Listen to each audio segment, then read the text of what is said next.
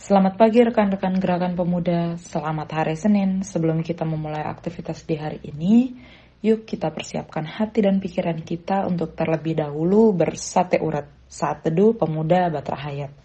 Nah, pembacaan Alkitab hari ini terdapat di kitab Yeremia 30 ayat 8 sampai 9. Apabila kita sudah menemukan pembacaan Alkitab kita, mari kita bersatu dalam doa, kita berdoa. Tuhan Yesus yang baik, terima kasih atas penyertaan Tuhan yang boleh memberkati aktivitas kami di malam hari, tidur istirahat kami, dan pada pagi hari ini boleh kembali membangunkan kami untuk kami memulai aktivitas di hari yang baru, di pekan yang baru, dan tentunya bersama dengan Tuhan.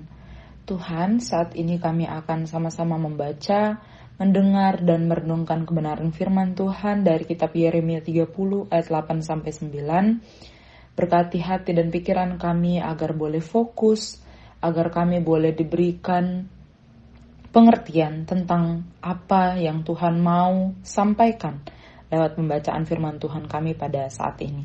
Berfirmanlah kepada kami ya Bapa, karena kami telah siap untuk mendengarkan firman Tuhan. Di dalam nama Kristus Yesus Tuhan dan Juru Selamat kami yang hidup, kami sudah berdoa dan bersyukur. Amin. Mari kita baca pembacaan Alkitab kita dari Yeremia 30 ayat 8 sampai 9 yang menyatakan maka pada hari itu demikianlah firman Tuhan semesta alam. Aku akan mematahkan kuk dari tengkuk mereka dan memutuskan tali-tali pengikat mereka dan mereka tidak akan mengabdi lagi kepada orang-orang asing mereka akan mengabdi kepada Tuhan Allah mereka dan kepada Daud raja mereka yang akan kubangkitkan bagi mereka. Demikian pembacaan Alkitab. Rekan-rekan, tema Sabda Bina Pemuda hari ini adalah jangan melepas kuk. Kamu enggak kuat, biar Tuhan saja. Shalom rekan-rekan pemuda, pernah melihat petani membajak sawah? Saat ini memang alat sudah modern, sehingga membajak sawah, tetapi dulu bahkan sampai saat ini masih ada petani membajak sawah menggunakan sapi ataupun kerbau. Caranya dengan menaruh kuk di pundak hewan tersebut dan sapi atau kerbau akan menarik beban di belakang yang terhubung dengan kuk. Petani tahu bahwa sapi dan kerbau sangat kuat untuk menarik beban sehingga kuk diletakkan di pundaknya. Kata firman Tuhan, aku akan mematahkan kuk dari tengkuk mereka. Membaca perkataan ini, kita pasti mengingat perkataan Tuhan Yesus dalam Injil Matius 11 ayat 28 sampai 30 yang menyatakan bahwa Tuhan Yesus meminta setiap orang memikul kuk bersama dengannya. Apakah kedua firman ini kontradiktif? Mari kita telah sejenak. Tuhan memiliki janji penyertaan kepada Israel untuk selama-lamanya, sehingga kuk yang dibawa oleh orang Israel adalah tanda bahwa pemulihan dan perubahan iman akan terjadi. Sama halnya yang dikatakan oleh Tuhan Yesus.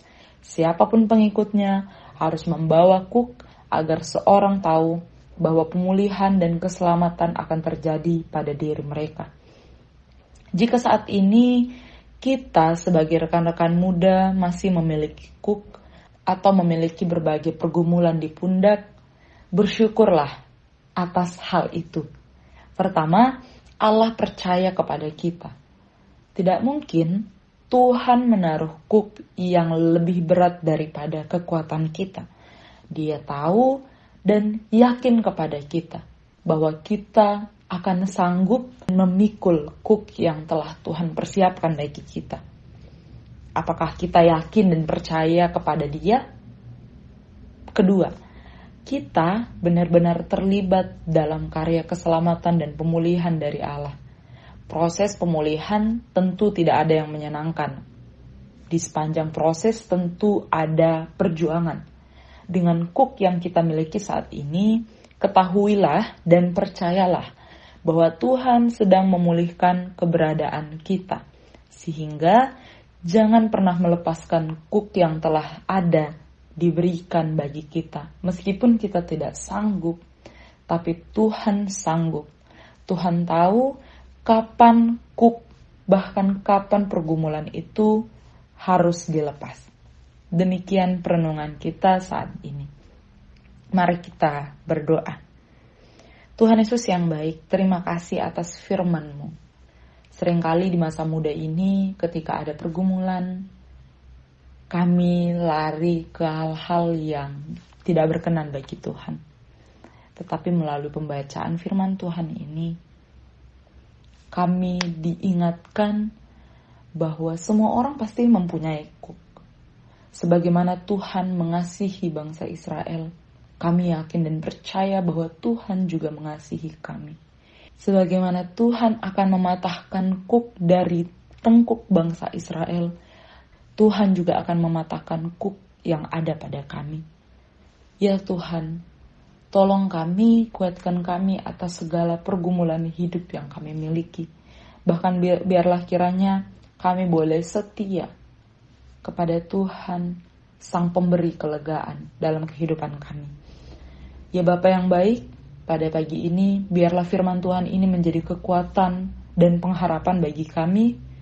Bahkan kami tidak sekedar mendengar, membaca firman-Mu, tetapi kami boleh mempraktikkan dalam kehidupan kami.